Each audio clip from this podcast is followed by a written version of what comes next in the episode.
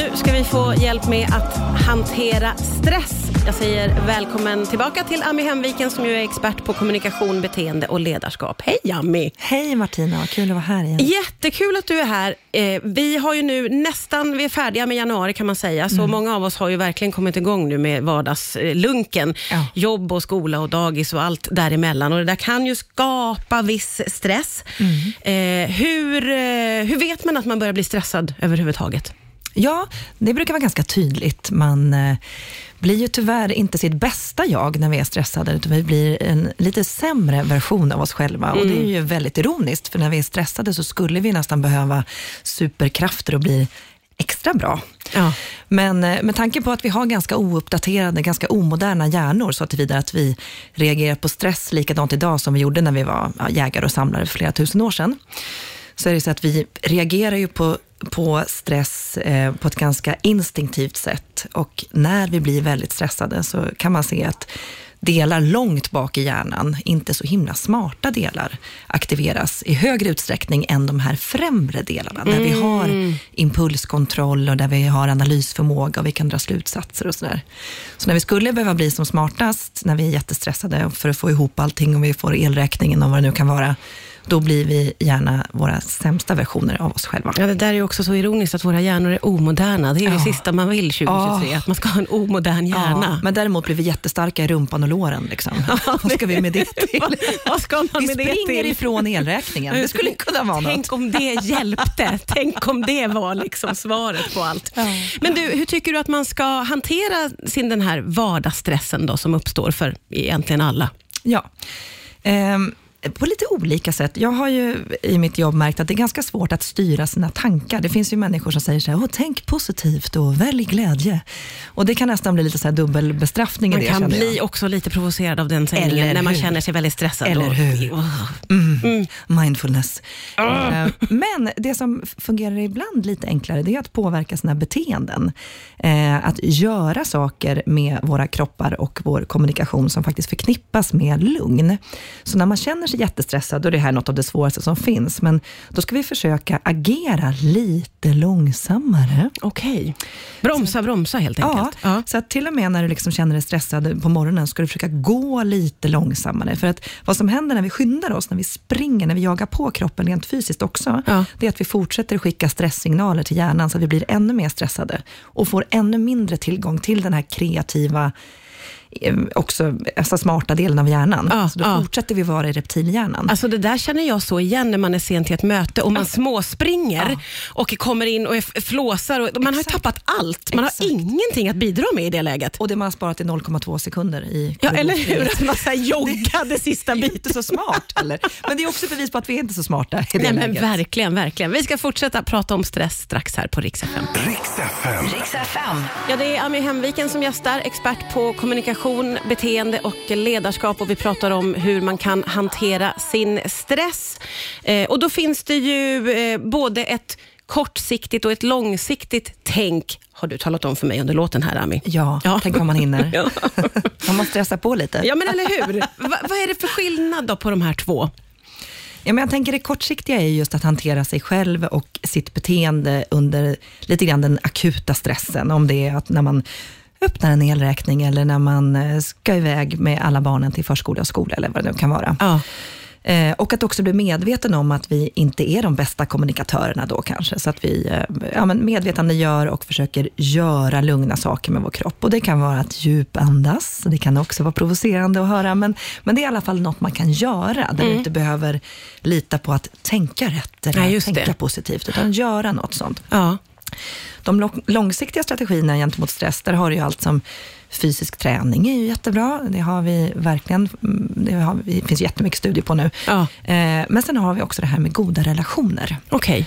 Eh, och det man har sett är att människor som har många och goda relationer har som en buffert, man brukar prata om just bufferthypotesen, de har som en buffert gentemot stress. Så att när de upplever stressorer, det vill säga saker som stressar oss, så upplevs de inte riktigt lika starkt. Och när de inte upplevs lika starkt, då fortsätter vi att ha kontakt med vår främre del av hjärnan. Det är ju när det upplevs jättestarkt som vi blir så där egoistiska och icke-kreativa och liksom, vi låser oss. Ja.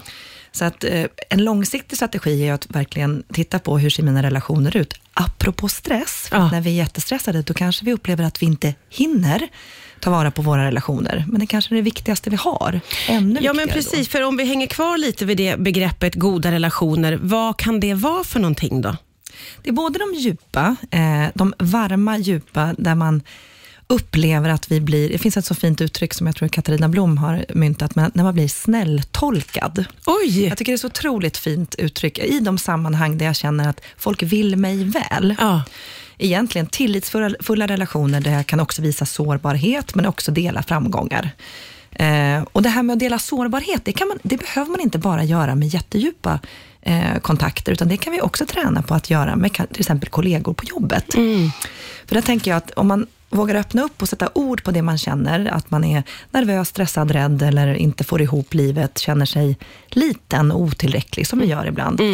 Då gör vi två saker. Det första är att vi aktiverar frontalloberna för att sätta ord på det vi känner. Då måste vi tänka efter.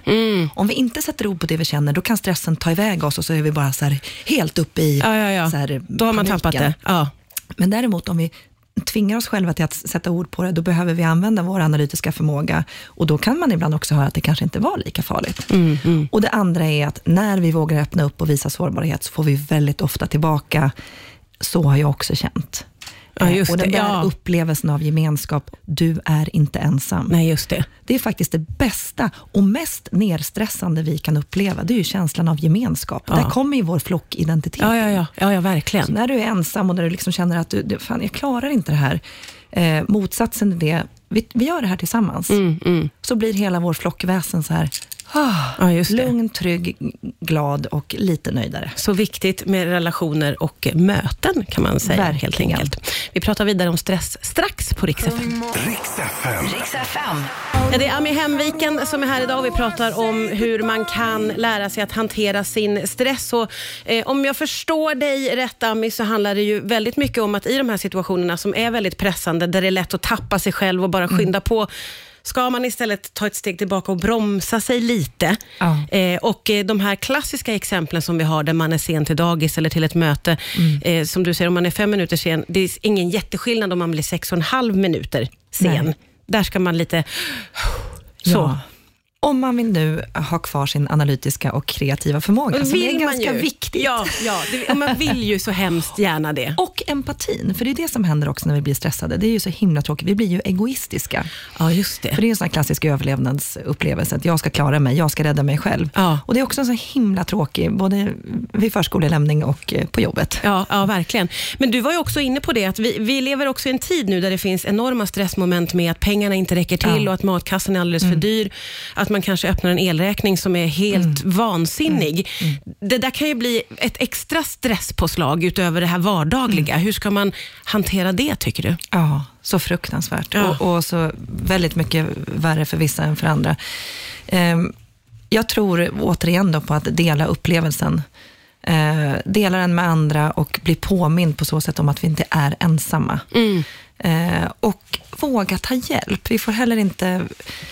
Man tror ofta att ensam är stark eller det finns något töntigt och det är precis tvärtom. Utan det är just det här, våga be om hjälp. Vi är flockdjur och vila i att eh, den som hjälper, den får faktiskt eh, både stressreducering och dopaminpåslag. Det vill säga man, man mår jättebra av att hjälpa. Ja, ja. Så att då får man väl tänka att har man svårt att be om hjälp, då får man tänka så här, men jag får bjussa på att någon får må bra. Ja, ja, ja verkligen. Och Du har ju varit inne på det, men om man vill tänka förebyggande då, att jag ska liksom vara ute innan jag hamnar i de här stresspåslagen, vad är det viktigaste då, tycker du? Ja, Jag skulle säga goda relationer, att satsa både på de djupa men också på ytliga återkommande positiva relationer. Och det är ju mycket lättare när man har jobb och man har eh, liksom ett sammanhang. Att ta vara på de små sammanhangen, att säga hej och att eh, men verkligen ta vara på små korta möten också. För det kan också ge den här känslan av sammanhang och gemenskap. Ja. Och en sista grej som jag verkligen vill slå ett slag för, som kanske är svårt i mörka tider, men det är ju skrattet. Alltså, Att kunna skratta åt eländet, säger man. Och det, det finns ju oerhört mycket forskning på det. Ja. Att när vi skrattar, samtidigt som vi skrattar, så är det helt omöjligt för oss att uppleva oss stressade i nuet. Ja, just det. Så att om man inte kan ta bort stressen helt av en elräkning, så kan man i alla fall få en paus i den när vi skrattar. Och nyare forskning visar också att om vi skrattar tillsammans, så ger det mycket större effekt eh, på vår hjärnkapacitet. Vi blir alltså Jaha. smartare av att skratta.